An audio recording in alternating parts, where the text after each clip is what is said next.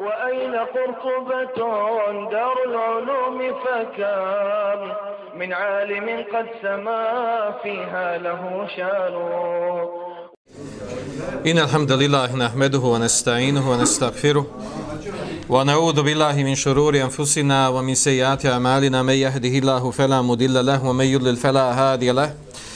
وأشهد أن لا إله إلا الله وحده لا شريك له. وأشهد أن محمدا عبده ورسوله.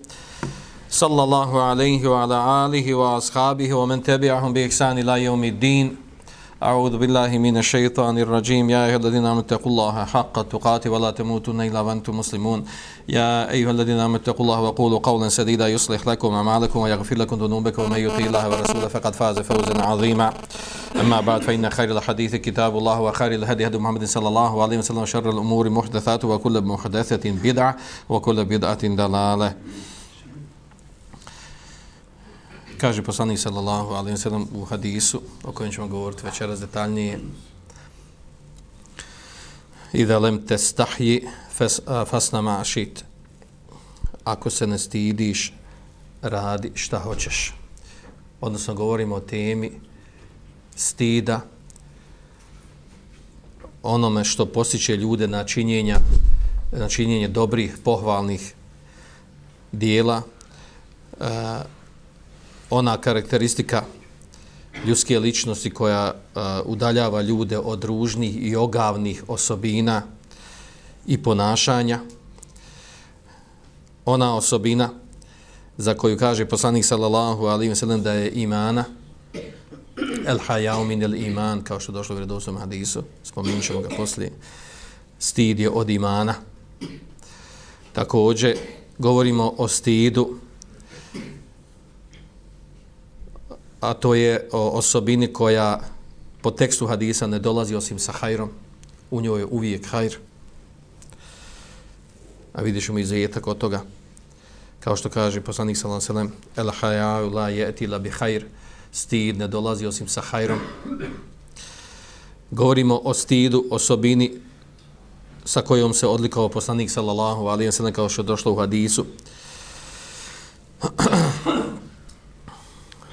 hadisu uh, vjerodostojnom u kojem uh, se kaže za poslanika sallallahu alejhi ve sellem kaže kana ashadda haya'an min al-azra fi khidriha.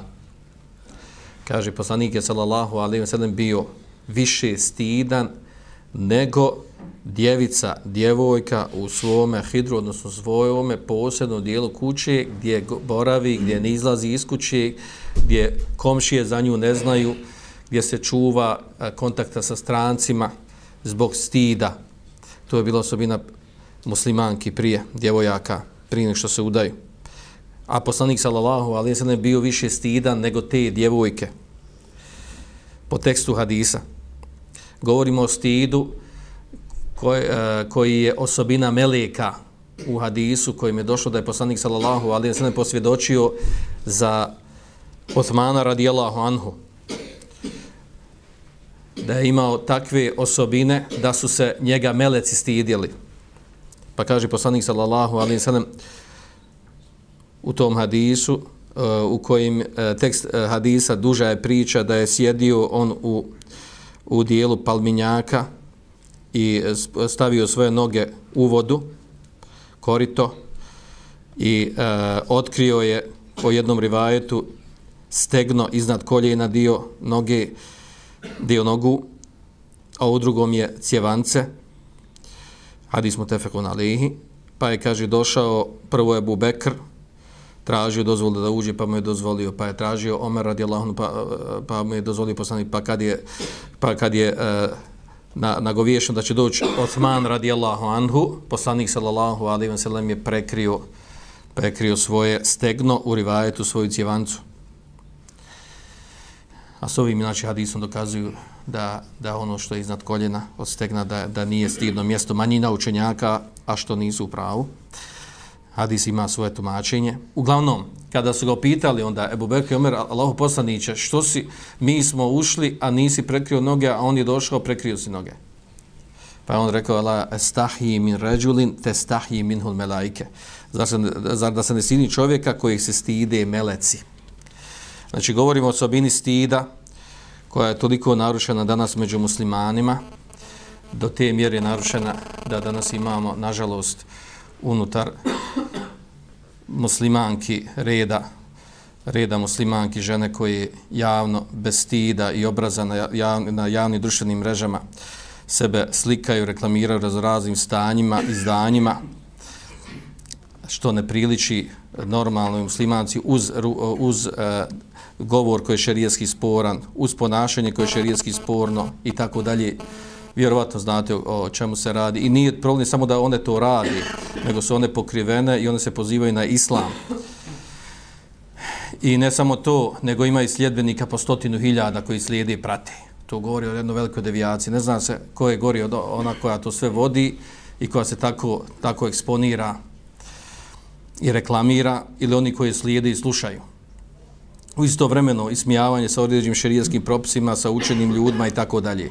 Tih osoba ima da i ne spominjem po imenu, a zaslužuju da se spominu radi, radi ukora i čak po imenu.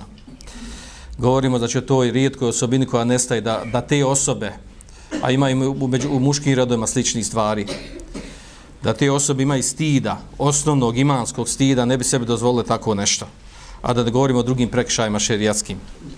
Gdje je njen muž onda, gdje su ostali, jel, koji sve trebaju biti uključeni u to da, da ukore taj munker. Govorimo o osobini za koju, za koju je došlo u, uh, u narodima prije nas, događaj vezan za Musa, alaihi selam, kada je pobjegao iz Egipta, bojeći se kazne od faraona, pa u dva ajeta se opisuje jedan događaj koji ima veze sa stidom, a to je događaj kada je našao, našao ljude koji su pojeli stoku oko, oko izvora, oko vode, bunara. Pa kaže, وَلَمَّا وَرَدَ مَا مَدْيَمَ وَجَدَ عَلِيهُ مَّتًا مِنَ نَاسِ يَسْقُونَ Pa kada je došao, kaže, do medijenske vode, našao je skupinu ljudi koji su pojeli svoju stoku vođe da mi dunihima imara atejni dana. Našo je mimo njih dvije žene koje sprečavale svoje dvije djevojke, koje su sprečavale svoju stoku da dođu da se napoji. Pa je rekao, kale ma hatpukuma, šta vi radite? Znači, što vi to radite? Svi puštaju stoku da se napoji, a vi ne date svoje stoki da se napoji. Kale te la neski hata yusdire ria'u u abuna šehun kebir. Kaže, nećemo, nećemo ih napojiti, kaže sve dok čobani ne završi svoje pojenje, pa će one, one nakon njih. A kaže, naš otac je starac u godinama. O čemu, o čemu se ovdje radi? Znači, radi se o tome da one nisu htjele, da se, da djevojke su, mijenjaju svoga oca koji je starac i nije mogao da, da dovede stoku, da, da, da se napoji, a one su došle tu, odvojile se od, od muškog društva, od čobana, nise pomiješale sa njim i čekaju sa njima i čekaju da se završi pojenje, pa će one tek poslije toga. I nakon što je Musa ali selam, duga je to priča kada je, na, kada je napojio njihovu stoku, onda je jedna od njih došla. Kaže, feđa ethu ihdahuma temši ale stihjain, kalet inne ebi jed'uke li jeđzijeke eđe ma kajtelena. Kaže, jedna od njih je onda došla kad su one opisale svome ocu koga su sreli šta je taj čovjek uradio Musa alaihissalam e, pojenta ovdje vizan za stid to nas interesuje. Kad jedna od njih došla kaže temši ala istihjain. Došla je kaže stideći se sa stidom. Istihja znači sa stidom? Stidljivo je došla. Na stidljiv način. I rekla je moj otac te zove da te nagradi za ono što si uradio nama što sam pomogao da napojimo stoku opisuje znači spominje se ova osobina žena, osobina žena u vrijeme Musa alaihisselam, a to je da ima stida. Da ima stida u komunikaciji sa ljudima, sa muškarcima. Islamski pravnici u fiskim knjigama ima jedan zanimljiv termin. Nazivaju one žene koje nemaju stida i to u govoru kad se govori o prosidbi, o prosidbi, o braku, bračnim pitanjima, naživa jednu skupinu žena koja zove halađa verlađa žena. Halađa ona koja stalno kaže izlazi van kući. Verlađa ulazi gdje ne treba, druži se s onim kojim ne treba. Izlazi van kuće, komunicira s ljudima s kojima ne treba, ulazi kod ljudi s kojima ne treba da komunicira. I onda je zbog toga sumljiva. Ne kažemo ona je uradila ovo ili ono, ali takva osobina muminke, muslimanke je ona koja je neprihvatljiva. Ona mora imati stida. Ko nas kaže, nema stida ni obraza, ona izreka, tako ni stida ni obraza, odmah spodi, spoji, kad nema stida, nema ni obraza, znači, ne može imati stida, imati obraz. Obično jedno s drugim ide. E, znači, ta osobina spominju i kod, e, kod žena koja je halađa, valađa, znači, sumnjivog morala. Gdje ide, s kim se duži, kako se ponaša, Allah zna najbolje. Ne optužujemo najgorom optužbom, ali tako nešto ne priliči muslimanci da bude halađa, valađa, ona koja stalno izlazi, vazda je van kuće, vazda se druži s nekim, uh, u kontaktu s, uh, s ovim, sa onim i tako da mi danas imamo belaj preko ti, preko ti e, ovaj, interneta, preko tih sprava, gdje ne mora se ni izaći iz sobe, a može se komunicirati, može se, može se uspostaviti uh, uh, onaj kontakt koji, koji uh, narušava ovu veliku osobinu, a to je stid. Uh, sličan primjer je tome od e, uh, sahabijki. Sahabijke su također bile poznate po stidu. Primjer Esme binte Abu, Abu e, Bekr, Abi Bekr, čerke Abu Bekra. Oženio je uh, e, Zubair ibn Awam, koji je bio jako ljubomoran. Ona narodna majka Abdullah ibn Zubaira. Kada je oženio, on je tad, znači, imao je, imao je stoku, imao je konja, morali se raditi van kuće i ona je to sve radila. To ovo, govorimo o tome, jel, kako, kako žena, da li treba da, da radi u kući ili ne treba. To je jedan od argumenta dokaza da žena je, je obavezna da radi u kući i ono što je potrebno, naravno, ako ne može drugačije van kuće. Znači, ovaj argument i onaj hadis od Aisha radijela, radijela anha, pardon, Fatime radijela anha, kada, je, kada se žela poslaniku salam Salam zbog teškog posla da ju pošalje slugu koju on dobio u toku rata, pa je on preporučio da umjesto sluge da prije nego što legne da zikri 33 puta uh, subhanallah, alhamdulillah i Allahu ekber umjesto sluge, odnosno da nastavi isto rad, nije rekao ne trebaš ti rad, što te opterito, ti si hanuma, ti si gospođa i tako dalje. E, uglavnom ovo su ta dva argumenta koji dokazuju obavezu ženi, naravno to se vraća shodno običajima, obavezu ženi da, da radi u kući i ono što je potrebno van kući. Uglavnom ovo hadisu, što, što je pojent ovdje, navodimo u kontekstu stida spominje Esma radijallahu u hadisu, znači mutefeku tefeku na kako ona radila, kako izlaza van kuće, da ne spominje detalje toga hadisa, kako je kuhala, radila kuće, van kuća sa konjem, oko konja i tako dalje. Uglavnom, e, uh, najviše jednom je bila tako na polju, kaže, pa je jednog dana, kaže, uh, uh, ona je radila, znači tu pomagale se neke, neke druge djevojke iz komšiluka, kaže, a, a onda je, kaže, našao poslanik, sallallahu alijem sallam, kaže, bila je sa njim skupina ljudi od Ensarija i vidjeli su nje, nju kako se, kako se ona pati.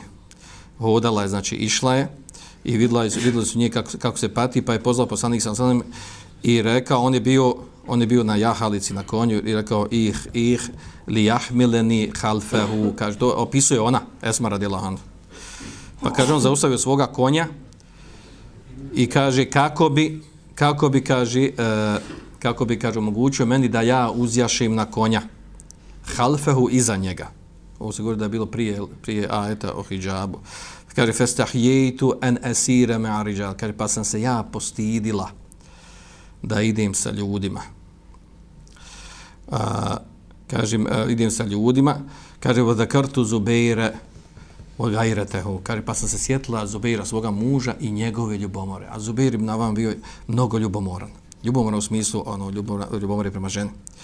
Pa kaže, vakane agiru nas, a koji je bio naj, naj, najljubomorniji čovjek, najljubomorniji muž. Kaže, fa arafe Rasulullahi sallallahu alaihi wa sallam, enni kad istahjejtu fe. Kaže, pa je prepoznao, skontao je poslanik sallallahu alaihi wa sallam, da se ja stidim. Kaže, fe pa je nastavio dalje. Pojenta ovom hadisu u tome, stid esmi radijallahu anha. I to da je prepoznao to poslanik sallallahu alaihi wa sallam i i znači podržaj u tome. Nije htjela zbog stida, iako propis sada još uvijek nije bio došao, da se ne miša, da se žene miša s muškarcima, nije htjela zbog stida da se pomiša da ide s muškarcima. I tu s poslanikom sam sad, pa kada je ona obavijesta Zuberem na vama do kraja hadisa i rekla šta se desilo, pa je on rekao, pa kako da, ovaj, da ja bude ljubomor na Allahu poslanika sam, gdje će ja biti ljubomor na Allahu poslanika ono sam, sad odnosno htio reći, pa nema smijetne, ne bi se ja ljutio da se to uradila, jer je to bio Allahu poslanik sallallahu alaihi wa. Uglavnom, ovakvih primjera imamo mnoštvo u šerijetskim tekstovima koji govori o toj osobini, o osobini stida. a namjer nam već da zagovorimo o ovom jednom, jednom od hadisa koji su, koje imam nevevi uvrstio u e, 42 hadisa, 21. po redu od Sufjana ibn Abdullaha, u kojem on kaže kultu ja Rasulallah, kul li fil islami qawlen la eshelu anhu ahadan gajreh. O Allahu poslaniće, reci mi o islamu nešto da ne pitam nikog drugog mimo tebe poslije toga. Znači nešto je zgrovito skraćeno. Pa je on odgovorio, poslanik sam sam odgovorio i poznate riječi, hadis bilježi muslim u svome sahihu, pa je odgovorio, kaže, kul amentu billahi, thum, pardon, izvinite, uh, pogreš, pogrešan hadis govorim, govorimo o hadisu Ebu, Ebu Mes'ud Bedri, da je on pitao Allahu poslanika sallallahu alaihi sallam, Uh, e, da, pardon, nije ga pitao, nego je prego prenosi, da go prenosi hadis Allahu poslanika sallallahu alejhi ve kaže inne mimma edrake nasu, ja sam na pogrešnu strancu otvorio. Inne mimma edrake nasu min kelami nubuvati ula, kaže zaista od onog što su dostigli ljudi od od govora uh, prvog nubuveta, prvih objava, prve objave kaže ida lem testahyi fasna fasna mas shit kaže, ako se ne stidiš, radi šta hoćeš, hadis bilježi Buharija. Hadis bilježi Buharija o svome sahihu. Uh, ovaj hadis je uvršen u 40 nevi hadisa zbog, uh, znači, zbog tih teme što govori o, o stidu. Znači, mogo je bilo koji drugi hadis se uvrsti ovdje. Mogo je taj hadis koji su, koji su spomenuti, dva hadisa koji su spomenuti u Buhariju, ovaj, muslimu, ovaj, da je stid od imana, da je stid ne dolazi osim sa hajrom, spomenut ćemo te hadise.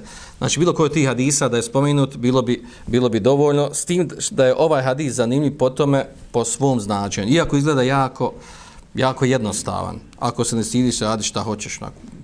Međutim, kada vidjet ćemo ovaj, njegovo tumačenje, da je jako, jako ovaj, eh, komplikovano i razumijevanje njegovog značenja. E, uglavnom, ovaj hadis znači govori o toj o to jedno od, od uh, najbitnijih jedno od najbitnijih osobina ljudskog karaktera a to je da se okiti stidom. Da se, okuti, uh, da se okiti stidom koji ga postiče na plemenita i dobra djela a odvraća ga od ogavnih ružnih dijela i riječi i riječi. Zašto govorim i riječi? Jer od stida bi trebalo biti to da se odviknemo ružnih riječi, psovki, ogavnog prostog govora koje smo uglavnom uzeli od naših susjeda Srba, od psovki raznorazni, uh, uh, ružnog, uh, ružnog govora od onih, od onih rijeđa, ne govorim one psovke, nego govorim ovaj, i one druge riječi koje, koje inače treba izbjegavati, jer u šerijaskim tesama, ako se, ako se sjeti, da se vratite na iša hadisa poslanika, sallam sallam, naćete da poslanik sa sallam stvari koje, kada hoće nešto opisati, za bilo šta vezano za intimni odnos, za bilo šta drugo, znači e, e, ne govori nikad direktno, nego uvijek nešto u prenesenom značenju, indirektno, riječi koje ukazuju na to. E, takav je bio stil poslanika sa sedem, e, inače, znači, azhaba, da nisu stvari govorili svojim, znači, to su iznimne situacije da se nešto direktno kaže. Neka riječ koja, koja ima onako prostije značenje.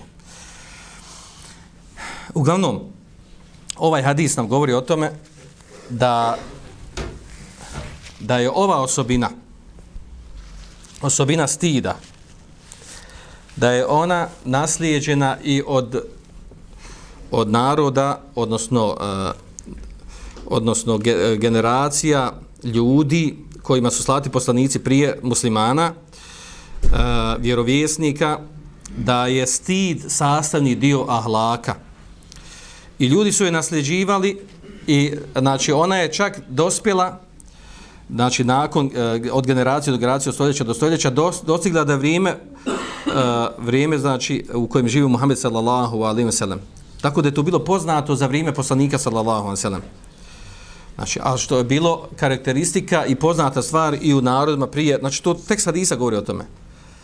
I ne mima edreke, e, edreke nas, ono što su ljudi dostigli, doživjeli od, znači, od, od, od ono što je bilo prvom nubuvetu, od vjerovijestništa prije nas, a to su ove riječi. Znači, riječi koje govori o ovoj temi, a to je o stidu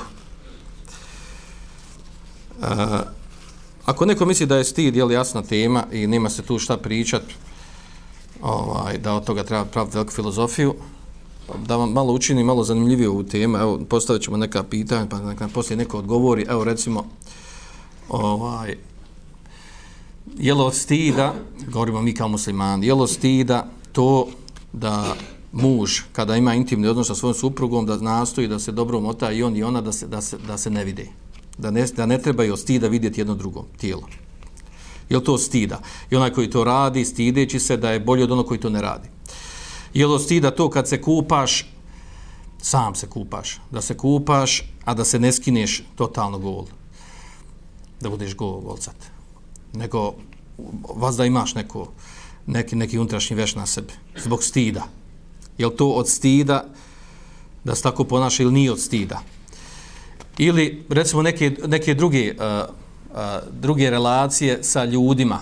Evo, navešu jednu vrlo zanimljivu stvar, recimo, vama je poznato da je stidno mjesto žena među ženama posle četiri mezeba. Stidno mjesto žene među ženama je od koljena do pupka. Što znači žene mogu otkriti grudi jedne pred drugim jel žena koja otkrije svoje grudi u, u društvu drugih žena, jel ona bestidna, jel, jel od stida da sakriva to? Jel žena koja ima dijete, pa hoće da podoji dijete u skupin drugih žena, pa izvadi svoj dojku i doji dijete, jel ona izgubila stid ili ima stid ili nema stida? Ovo su konkretne mesele. Ima li to veze sa stidom koji je šerijski sporan ili nije sporan, tako dalje? Kako to znati? Jel stid ono što smo mi naučili, što sam s babom i mama učili da je nešto da je, da je stid i sram to raditi, da je to stid koji je šerijski potreban, ili je to nešto drugo? Ako neko misli da je ova tema, da je ovo tako bezazlena stvar, znači, evo nek nam da odgovor na ove stvari što smo spomenuli. Nek nam spominite odgovor na ovo što smo govorili, ali da, al da to bude, da, da zna da je to od islama, od šerijata, a ne onako kaže, pa jest ili nije, ili nije, ili jest, naravno, jedno, jednost ili nije, jedno od tog dvoga je. I takvi primjer možemo mnoštvo na, na, navesti. Mnoštvo primjera može navesti, poput stida, neko se stidi da ode, a to često deši u početku, osoba treba vratiti islamu, stid ga da ode da klanja džumu s ljudima. Što? Pa kaže, stid me ljudi, sad vidi, ja čito vrijeme bio komunista, sad valja klanja. Sad ja ode, on tada mene gleda, meni stidite to, kaže, stid me pravo. Stid ga da klanja džumu prve, prve džume pa onda dok to prođe vremena da počne klanjati džume, pa onda stida ide u džemat klanjati, svi ljudi znaju da nije prije, da je, ili da je prije bio u Jarku ili komunista, ili, ili pio, ili s komunistima se družio. I sad valja klanjati, pa kaže, stid me ljudi. I sad kažemo, vidi, pa kaj je dobar stid ga, pa fin. Ima lijepu osobinu stidi se. Je to taj stid koji, koji je pohvalan? I tako, znači, možemo navoditi takvi primjer koliko hoćete, gdje u stvari pojenta ovdje, večerašnjeg ovdje govora, znači, nakon što je jasno kod dana da je stid od, od imana, od vjere, moramo razgraničiti koji je to stid koji je šerijatski poželjan, pohvalan, a koji je onaj koji nije, koji ne, koji ne potpada po stid potreban. Znači, to je ona najveća fajda koju, koju, koju bi trebali izaći sa ovog večerašnjeg predavanja. Uglavnom, ovaj hadis, tekst hadisa, ida lem te stahji, fasna mašit, ako se ne stidiš, radi šta hoćeš. Oko tumačenja ovog, uh, ovog, e, ovih riječi poslanika sallallahu alaihi ve sellem imamo tri poznata mišljenja. Šta znači? Prvo mišljenje, navodi ga ima nevevi, a ono znači da je kaže da se uzima da se uzimaju ove riječi po vanjskom značenju. A to je naredba. Znači, ako se ne stidiš, radi što hoćeš. Naređuje se, radi što hoćeš. Pa kaže, ima bude, odnosno, kaže, ova naredba se ne misli da je, da je naređen da radi što hoćeš, nego, kaže, to je i baha, znači. Uh, sa to sa te, te ima sa strane usul fika kako se kako to može biti baha dozvola na a došlo u tekstu uh, ova naredba to je sad e, priča za sebe uglavnom znači jedno tumačenje da u stvari ovdje znači ako se ne stiđe šta hoćeš da je to da je poslanik sallallahu alejhi ve sellem po vanjskom eh, po vanjskom eh, značenju hadisa naredio da onom ko se ne stidi da radi šta hoće. Odnosno eh, u ovom kontekstu značenje hadisa je ako ono dijelo koje hoćeš da radiš je od dijela od koji se ne treba stidjeti ni od Allaha ni od ljudi a to to se znači misli na, na djela pokornosti Allah Đelšanuhu i lijepog ahlaka e, lijepi adaba ponašanja onda radi šta hoćeš. Znači ako je to djelo koje hoćeš da uradiš ili i riječi koje hoćeš da izgovoriš ako je to od onog od čega se inače ne treba stidjeti ni ljudi, ni Allaha, nego je to, znači, to jest, to su dijela pokornosti Allah Đerašanu, bilo na vađib ili mustehab, ili su to e, uh, dijela lijepog ahlaka uh, i lijepi adaba ponašanja, onda tu radi šta hoćeš. Radi šta hoćeš u smislu, nema smiklja da tu radiš. To je jedno tumačenje. Što, znači, ovaj hadis ograničava, znači, samo na dijela koja, od koji se ne treba stidjeti. Znači, i da lem te stahi, ako se ne stidiš to što ćeš raditi i reći, ne stidiš ni ljudi, eh, odnosno, ne, ako je to dijelo od kojih se ne trebaš stiditi, radi ga, nema smetnju da ga radiš. Dozvoljno da ti to radiš. To je jedno znači. A na to se odnosi one riječi što se spominje od Selefa, kada su govorili o muruetu, odnosno od lijepo ponašanju, koji ima vezi sa stidom, a to je kaže en ta'mele fi sirri še'en testahi minhu fil alanije. Kaže da radiš u tajnosti ono pardon, da ne, da ne radiš u tajnosti ono od čega, zbog čega se stidiš, čega se stidiš da radiš u javnosti. Ono što ne bi uradio javnosti među ljudima, nemoj to raditi ni u tajnosti, kad sam. To je stid. To je pravi stid, znači. Ono čega se stidiš da radiš u javnosti među ljudima, znači to ne trebaš raditi ni u tajnosti.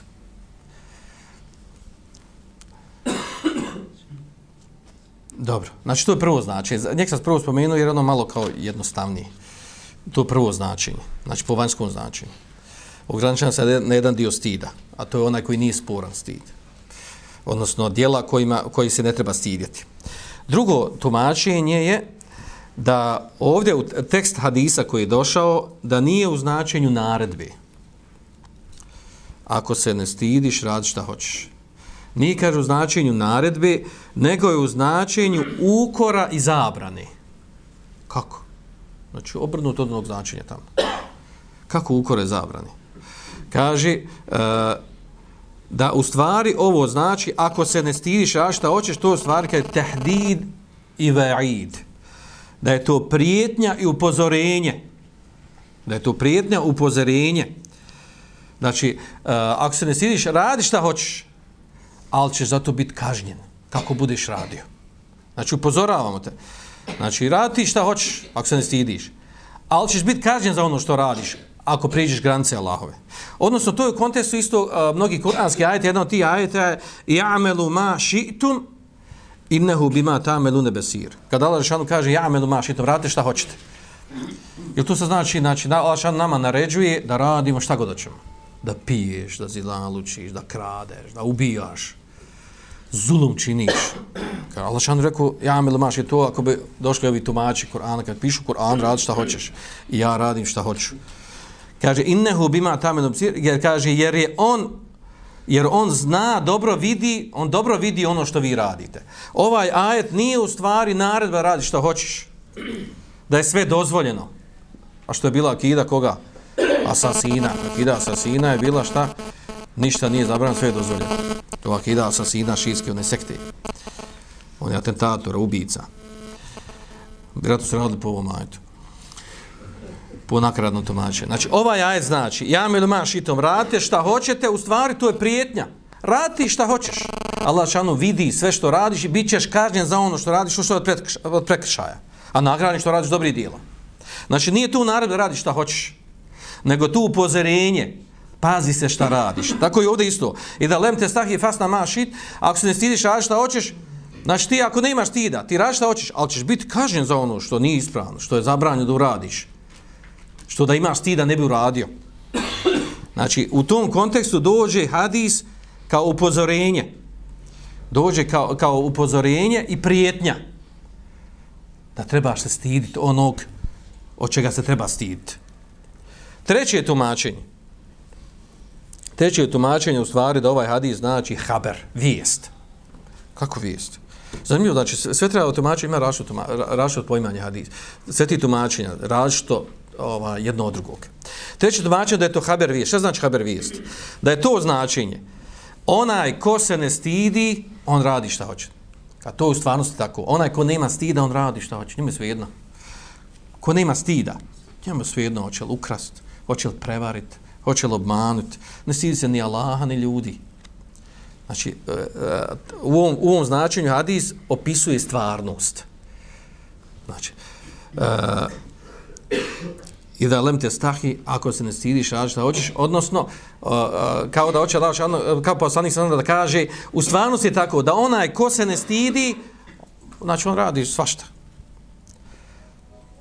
Znači, nije naredba, nego opis stvarnosti. Takvi hadisa imamo drugi slični hadisa, nemojte mi da neko, neko, neko reći, pa dobro, kako ste tako tumači? Pa zato što imamo slični hadisa, imate hadis poznat, mutefekun alejih, mutevatir hadis, men kezebe alejje mutaminen fel je tebeva makadu mine nar. Onaj ko na mene namjerno nešto slaži, kaže poslani sam, znači, izmišljanje lažnih hadisa, onaj ko na mene nešto namjerno slaži, neka sebi pripremi mjesto u džehennemu. Kako je slično ovom ovdje? Slično je ovo ovdje u smislu, Znači, kad kaže neka sebi pripremi, neće on sebi pripremiti to da on ode se pripremi mjesto u džehennem, to je smiješno. Što nek se, znači, naredba on se pripremi, znači, slago nek se pripremi mjesto u džehennem. Znači, to, tako tumače je smiješno. Nego šta znači? Onaj ko na mene slaži u stvarnosti, on je sebi pripremio. Znači, to pri, kao haber vijest.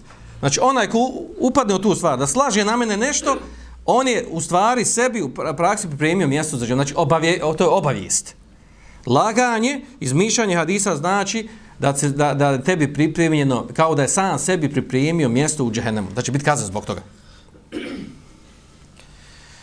I, a to je slično značenje koji ovom, ovdje, ovom, ovdje, hadi, ovom, ovom načinu tumačenja, jedna od tri tumačenja ovog hadisa koji u stvari, jel, e, znači da ponovim opet ova tri značenja. Prvo je značenje, znači da je, da je tu u hadisu došla naredba. Ako se stidiš, radi šta hoćeš, radi šta hoćeš u stvari. Ako se ne stidiš od dijela i riječi koje se inače ne treba stidit, jer su od dijela pokornosti, lijepog ahlaka i tome slično, nema smite da radiš šta hoćeš, radi šta hoćeš. Znači, dozvoljno da radiš šta hoćeš od toga. Jer nije sporno. Ne treba s toga stiditi uopšte. To je poželjno da tako radiš. To je prvo tumačenje. Drugo tumačenje, da je to u stvari upozorenje, tehdid, vaid, upozorenje, znači prijetnja. Ako se ne stidiš, a šta hoćeš, da prijeti se tebi, kao što je došlo u kuranskom ajetu, ja me doma šitom rate šta hoćete i ne, i ne obima ta jedan besir. Jer je on, ono što, za ono što radite, sve, sve vidi ono što, što djela što radite. Odnosno, prijeti se, znači za, za sve što radiš, Znači, Allah šan te vidi i bit ćeš kažnjen za to. Tako i ovo. Ako se ne stidiš, u ovom drugom tumačenju, ako se ne stidiš, znači ti ćeš rad, e, uh, rad ćeš, znači, onaj, šta hoćeš jer nemaš stida, a u stvari time se upozorava da ćeš biti kažnjen za to. Prijetnjati, znači, došla da, da, znači, to je ukor i zabrana da, da, znači, da, da trebaš vod računa o stidu, da budeš stidan, da se odgojiš na stidu. A treći znači, u stvari govori o stvarnosti opisuje stvarnost. Ljudi koji se ne stide radi svašta. I to je tačno. Nema sumnje da je to tačno. Mi znamo u praksi, znači, osoba koja upada u raznorazne sporne stvari, zato što nema stida. Niste stidi niti ljudi, e, niti Allaha. Imamo, ljudi, drugi, imamo tu sad kategorije. Neko se stidi ljudi, a ne stidi se Allaha. I to je belaj. Ali opet kažem, to je bolje nego onaj koji se nikako ne stidi. Imamo tako, da znate ljude za Ramazan, ono, ne posti ne posti, ali ne daj Bože da on među ljudima popije kafu i zapali cigaru. Znači, među ljudima neće to stid ga ljudima. Da zapali među ljudima, neće kada vidi ga i ne posti. Stid ga ljudi. I zbog ljudi neće. A što tiče Allaha, on dindili u 16 i pije kahu, jede, kad se sakrije, kad spusti storu, najede se dobro i onda izađe mi ljudi, kaže Ramazan, težak, koji svaki. Zaista ovo bilo, znači ovo bilo stvarno, to pričaju i stariji kad kad je u titno doba to išlo. Uglavnom, e, znači to su ta tri značenja koje smo spomenuli. E sad nam dolazi normalno sada ova glavna stvar ovdje, kad već govorimo o stidu, ovaj, e, u tekstu hadisa je došlo, znači malo prije smo spomenuli da je stid od imana, odnosno riječ je ovdje u hadisu, e, Butefeku na Lihi, u kojem je došlo da je poslanik sallallahu alaihi wa sallam, od hadisa od Allah nomera, da je on naišao, pored neka dva čovjeka su bili, i jedan drugog su korili, u stvari, jedan je korio svoga brata i držao njemu lekciju o stidu. I rekao, ti treba da se stidiš, kako se ne stidiš, tako dalje. Do te mjere da je ono prešao u grancu u, u tom ukoru. Pa mu kaže, poslanik sad kaže, dahu fe innel haja minel iman. Pusti ga, kaže jer je, kaže, stid od imana. Stid od imana. Vidjet ćemo poslije, stvar, kako, kako mogu reći eh, stid od imana? Odnosno, čovjek koji ima iman, koji ima iman na nivou, na stepenu, a iman se povećava sa znanjem i dobrim dijelima, taj, ta osoba zadobija i stid. Pa ga pusti. Znači, kad ima imana, imaće i stid, doće mu, doće mu stid na svoje mjesto. A, kaže Abdullah ibn Abbas, govoreći o ovom ovdje, kaže haja wal iman, stid i iman, kaže fi karenin. Stid i iman su, kaže, jedna cijelina. To, je dvoje, to, je, to se ne može razvojiti. Kaže, fe idha nuzi al hajau, tebi ahul ahar. Kaže, kada se nekom oduzme stid, kaže, slijedi ga iman. Kome se oduzme stid, oduzima mu se postepeno iman. To je znači došao u kufr, da je postao kjafir. Ali znači onaj koji nema stida, tanak mu je iman. I to znamo u praksi. Čovjek koji nema stida i zbog nedostatka stida upada u raznorazne stvari, čini, znači automatski slabi mu iman, automatski čini raznorazne harame. Znači taj nedostatak stida je odveo do tog da mu je iman totalno opao. Osoba koja u, u, dođe u situaciji da nešto, uh, da nešto ukrade, Znači, ne stidi se ni Allaha da to uradi, ne stidi se od ljudi. Krađa, krađa znači, sakriva se od ljudi da bi ukrao. Neće javno o rad, nego stidi, sakri se od ljudi. Ali od Allaha se ne stidi. Znači, automatski iman mu je opao. Da bi upao, da bi upao taj prekršaj grije krađe, kao što došlo u tekstu hadisa, njegov iman, ono dođe kao da mu izašao iz njegovog tijela, lebdi nad njim. Pa kad ukrade, pa kad se vrati, kad prekine to dijelo, nam se vrati iman. Kako došlo u hadisu jednog tumačenja tog hadisa.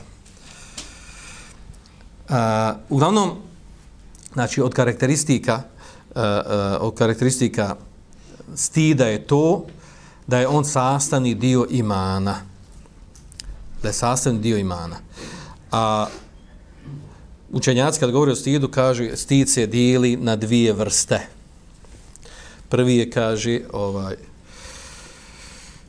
džibilije ili džibileten, ono što je nekom stid ahlak po njegovoj prirodi. Gajru mukteseb, znači nije steko e, rođen je i, i e, sa rođenjem je imao osobinu stida. Znači po prirodi je osoba stidna.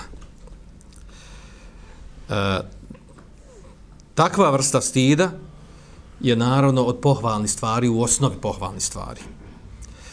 I takvu vrstu stida i takvu vrstu stida i pohvalio je Eh, poslanik sallallahu alejhi ve sellem kad kaže u hadisu koji smo spomenuli na početku to je el hayau min el el hayau la yati la bi khair stid ne dolazi osim sa hajrom znači osoba koja ima stida po prirodi stidna znači obično dođe sa hajrom u osnovi dolazi sa hajrom u tome je hajr u tome je veliki hajr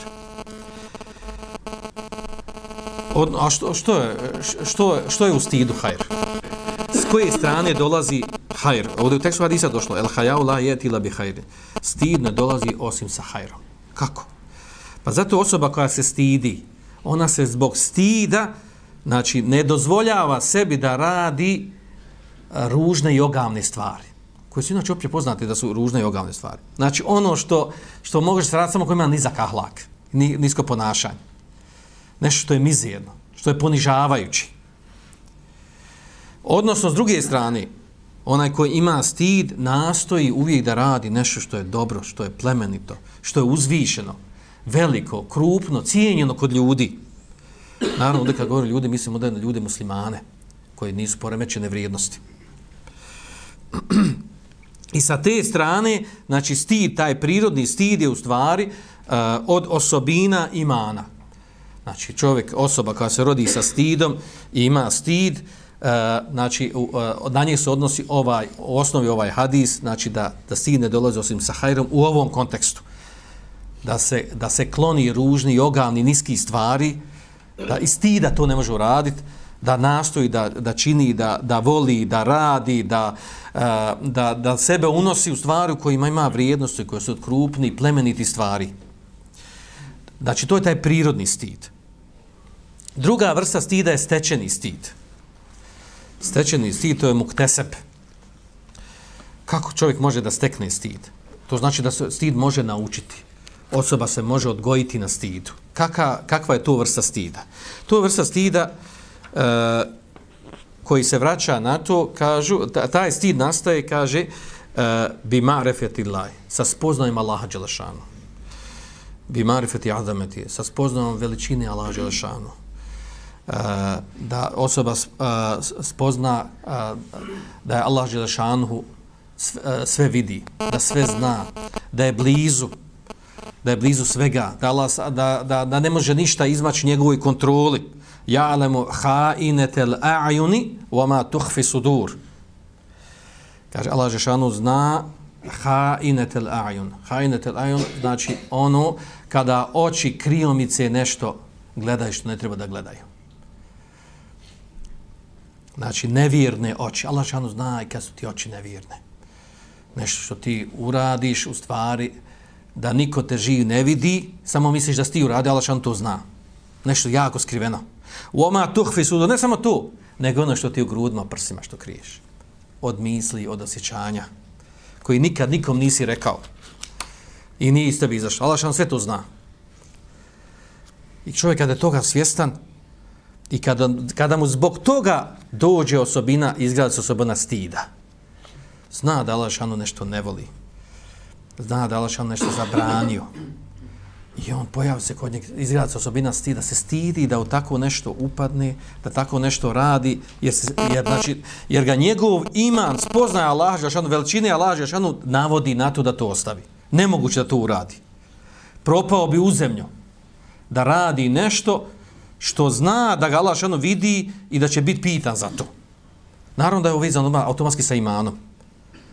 A ovdje govorimo o, o, sa stidom ova vrsta stida, znači ova vrsta stida to je stvar stečena vrsta stida. Kako su nas tekni? Sa, znači sa izučavanjem vjere, učenjem vjere, sa spoznajem Allaha Đelešanu, ali ne spoznajem onom intelektualnom, ono da puno čitaš, da ideš u školu, završi onaj fakultet, onaj fakultet, pa načita, pa znaš ovu knjigu, pa znaš onu izreku, ovu izreku. Znači ima ljudi intelektualaca, ljudi načitani koji imaju puno podataka, puno informacija o islamu, a njihova praksa islama je nula bodova ništa ne praktikuju. Malo malo praktikuju. Odnosno, njihova praksa islama je stvar čista filozofija. Nije bitno, u drugom vremenu živimo, pa nije to tako, problem je tumačenja i ovako. I od praksi vidiš ga onu stvar, možda je, ako klanja kada dobar je maža. A ostalo sve stvar tumačenja, filozofiranja. Znači, govorimo o ljudima koji kada spoznaju lađe šanu i šerijaske tekstove Korana sunate, ono što opisuju šta je, kako Allah šanu tumači i principe svega što oko nas, njemu se poveća iman i radi na tome. Znači sve u detalje, sve što zna od krupnih sitnih stvari, nema sumnje da taj čovjek, da, da, da, mu, da mu se, stid mu se izgradi automatski. I stid postane sastavni dio njegovog života. I e, kaže, e, kaže imam Kurtubi, kaže El hayao mukteseb huve ledhi ja'alehu šare minel iman wal mukellef bihi duna garizi kaže, ovaj stid koji se stekne, sa čime? Znači, sa izučavanjem vjeri, sa, e, sa praktikovanjem vjeri, sa ibadetima, sa bliskosu Allah Želešanuhu. Kaže, taj stid koji se stekne, on je onaj stid, kaže, koji je od imana, za kojim smo zaduženi, bez ono, mimo ono, kaže, prirodnog stida. Kaže, osim, kaže, to, osim, kaže, gajra enne men kane fihi garize, minhu, fe ineha tu inuhu ala mukteseb. Osim, kaže, što onaj, što ima prirodni stih, otprije, otprije imao stida kad se rodio, takav se rodio stidan, što mu ovaj stid imanski, samo, e, što mu taj stid prirodni pomogne ovaj imanski stid. U ga, u lakše mu bude da dođe do stepena potrebnog islamskog stida. A naravno onda je e, suprotno ovome. Onaj kome, znači onaj Allahov rob, kome se, e, kome se oduzme stid, nestane mu stida. Mislimo da jedno i drugi, niti ima ovog stečenog stida, koji bi trebao da nauči, da, da ga stekne sa, sa razum, učenjem vjeri, razumijevanjem vjeri, eh, sa poimanjem Allaha Đelešanuhu, poimanjem njegovog života na Dunjaluku, praktovanjem vjeri i badeta i tako dalje, ono zbog čega je stvoren, a nema ni prirodnog stida. Šta od te osobe ostaje? Od te osobe ne ostaje ništa što, što kaže Ibn Ređeb, kaže lem yebqa lehu ma jemnahu min irtikab eh, qabih wal ahlaqi daniya wa sara ka'annahu la iman lahu. Ta osoba, znači, koji ne ima, niti ima stečeni stid koji se nauči, niti ima uh, prirodni stid sa koji se rodi, kaže, ne ostaje mu ništa, kaže, ne, ne, nema nešto što ga sprečava da on rad bilo, što, bilo koje ružno djelo od čega, od, od harama, od, od ogavni, ružni, mizerni stvari. Ništa ga sprečava od lošeg halaka, ružnog halaka, ružnog ponašanja. Ništa ga sprečava od toga. Jer nema stida. Kaže, fesare ke ennehu la imane, pa kaže, postane dođe na stepe kao da nema imana. E to je ta veza sa imanom. Stida imana. Da ima stida, ima bi imana. Jedno s drugim povezano. Nestalo mu stida i prirodnog i stečenog, automatski iman mu se topi. Slabog imana, pa upada u ružno djelo, u ono ružno djelo. Njemu sve jedno. Sve jedno njemu šta god radi. Kod nas to kaže, ko, ko krmak, naći? ne, ne, šta ima? Ovo ono, kaže, sve je to isto. Sve je to bagra, svi su, svi ne valjaju, svi su ruž, svi, svi su vaki, svi su naki. Da bi sebe opravdao, naravno. Onda mora, svi, niko živ ne valja. I svi kradu, i svi lažu, i svi su vak, svih znak, zato što on sebe mora opravdati u tim mizirnim dijelima gdje nema ni stida ni obraza. Dobro, onda se ovdje postavlja koji je to onda pohvalni stid. Koji je taj pohvalni stid koji treba da se izgradi kod nas. Naravno, malo prije smo ga rekli, znači postoji, steč, postoji ovaj, ro, sa rođenjem stid, postoji onaj koji se stekne i to je onaj što je ciljan sa šerijatom. Pohvalni stid je onaj, to je znači stid koji je osobina karaktera, Znači, onaj koji te navodi, znači, taj stid te navodi da radiš samo pohvalna dobra djela. Znači, tako, takav stid imaš da uglavnom sve što radiš, gledaš oko sebe, cilj, cilj ti je navodite tvoja priroda, tvoj nefs, tako se odgojio, tako ti sam odgojio, da voliš samo raditi ono čemu je hajr. Da ne možeš zamisliti da ti je ružno, da ti je da, da, da upadneš, da učiniš nešto što je ružno, što je odurno što je prezreno. Govori se strani samo ahlaka, kamo po pitanju širijskih propisa. E, sad imamo ovdje jednu, jednu vrlo zanimljivu stvar. A to je da se može desiti, a to smo na početku ono spomenuli, da ima vrsta stida koja u stvari, e, da, da je u stvari taj stid u stvari slabost i nemoć. Takav stid šerijat ne podržava. Kako? Da osoba zbog slabosti svoje psihičke, prirodne slabosti i svoje nemoći da nešto uradi, znači ona pravi, vrši prekrša nedostatke u pravima prema Allahu Želšanu i prema njegovim stvorenjima. I onda se uh, vadi na to da ona stidna. Malo prije smo to, o to govorili. Stid je da ode u džamiju. Stid je da da ode negdje neko, neka manifestacija vjerska koja je širijski poželjna ispravna. Stidi, neko, šta će tam ljudi? Šta će ljudi reći? Stida kao. Pa e, stid ovaj, prema ljudima da e, treba kom, pohvalno da komši, da, da, da se lijepo obhodi, da odnese hediju, da pokloni, da, da vodi računa o svojom komši. Njega stid. Stid je komši, šta će ja komši? I, i na, zbog tog stida, u stvari, u stvari nemoć i slabost ta vrsta stida koja postoji u praksi, takva, takva vrsta stida postoji, ali ona je znači, slabost, nemoć, on se zvaja, ona je devijacija. To je devijantni stid. On nije pohvalan. On je neprihvatljiv. Zašto? Iz kog razloga? Zato što taj stid, iako je u osnovi se vraća na stid, ali on te na, navodi na to. Na, ne izvršavaš prava Allaha Želšanu kod tebe, zbog stida, niti prema Allahovim stvorenjima, u relaciji sa njima, stidiš se nekog od rodbine da mu uradiš ovo, ono, od pohvalni dijelo šerijata, a tebe to stid. Znači, nije to pohvalni osobina. Znači, ne izvršavaš niti prema Allahovim robovima, drugim prema, u komunikaciji s ljudima, niti prema Allahom Žešanu zbog stida. Takav stid šerijatski je neprihvatljiv. On je u stvari slabost, on je devijacija, on je nemoć i on se ne podržava. To je ono što malo prije navod primjer na početku. A to je da osoba da neće da ide, ovaj, to se dešava ovima koji je početku, kad treba početi klanjati, pogotovo stariji ljudi ne može ga nagovor da počne da klanja, da ide klanja u džematu, da ide na džumu, što kad stidne. šta te stidite ljudi koji su koji te znaju otprije da ti da ti nisi bio u tim redovima nisi to uradio. I sad ovaj ako ćemo gledati stid stid pohvalna stvar došao u tekstu hadisa stid ne dolazi se hajrom znači to, to je pohvalnost, čovjek se stidi ne to je stid mahana nedostatak slabost njegova obaveza da to izvrši. Šta god ljudi pričali zadovoljstvo se traži u ono što Allah šedno naredio traži od nas. Tu se traži za Allahovo zadovoljstvo a ne zadovoljstvo ljudi e, ovo nas vraća na, na glavnu najbitniju stvar a to je E, da, da, da dođemo do rezultata toga. Dobro, ovaj, sad razumijemo da je stid od imana, da je, treba biti sastavni dio našeg karaktera. Ako ga nemamo, kako da ga steknemo, kako da razlikujemo od prihvatljivog, dobrog, poželjnog stida od onog koji, koji stvar nije šerijatski stid koji je prihvatljiv.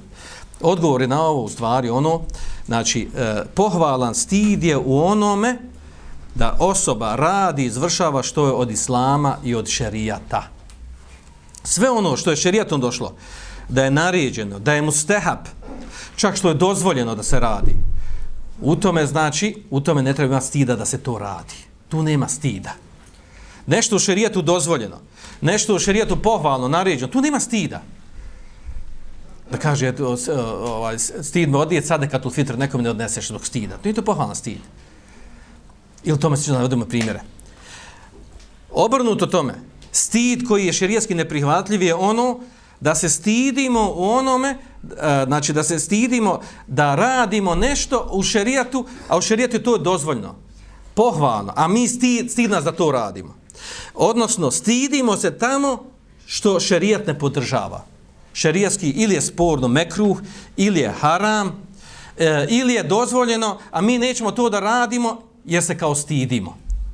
Znači, tu je ta granica. Znači, ono što je šerijatom došlo da je, da je poželjno, pohvalno, od lijepog ahlaka, od lijepog ponašanja, e, lijepih adaba, opoželjno prema ljudima, znači, e, to nema stida. Tu se ne treba stiditi. Tu treba hrliti čovjek da radi. I da stekne tu osobinu da je to od islama da se to radi.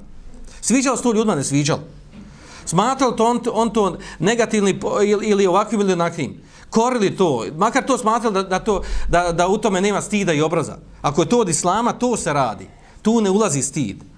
Stid treba doći u onome što je zabranjeno, što je pokuđeno, što nije ispravno, što je nisko, što je mizerno se radi. Što ni od lošeg hlaka. E tu stid dolazi. I tu se treba odgajati. Znači što islam tretira od, od, od niskog lošeg hlaka. Znači na tome se treba odgajati. I na tome treba trenirati stid. Znači, ibret je ovdje ono šta nam šerijat pojašnjava da je pože, od poželjnih osobina. Znači, tu nema stida. Ono što je od negativni, loši, ružni osobina, e tu treba da postoji stid.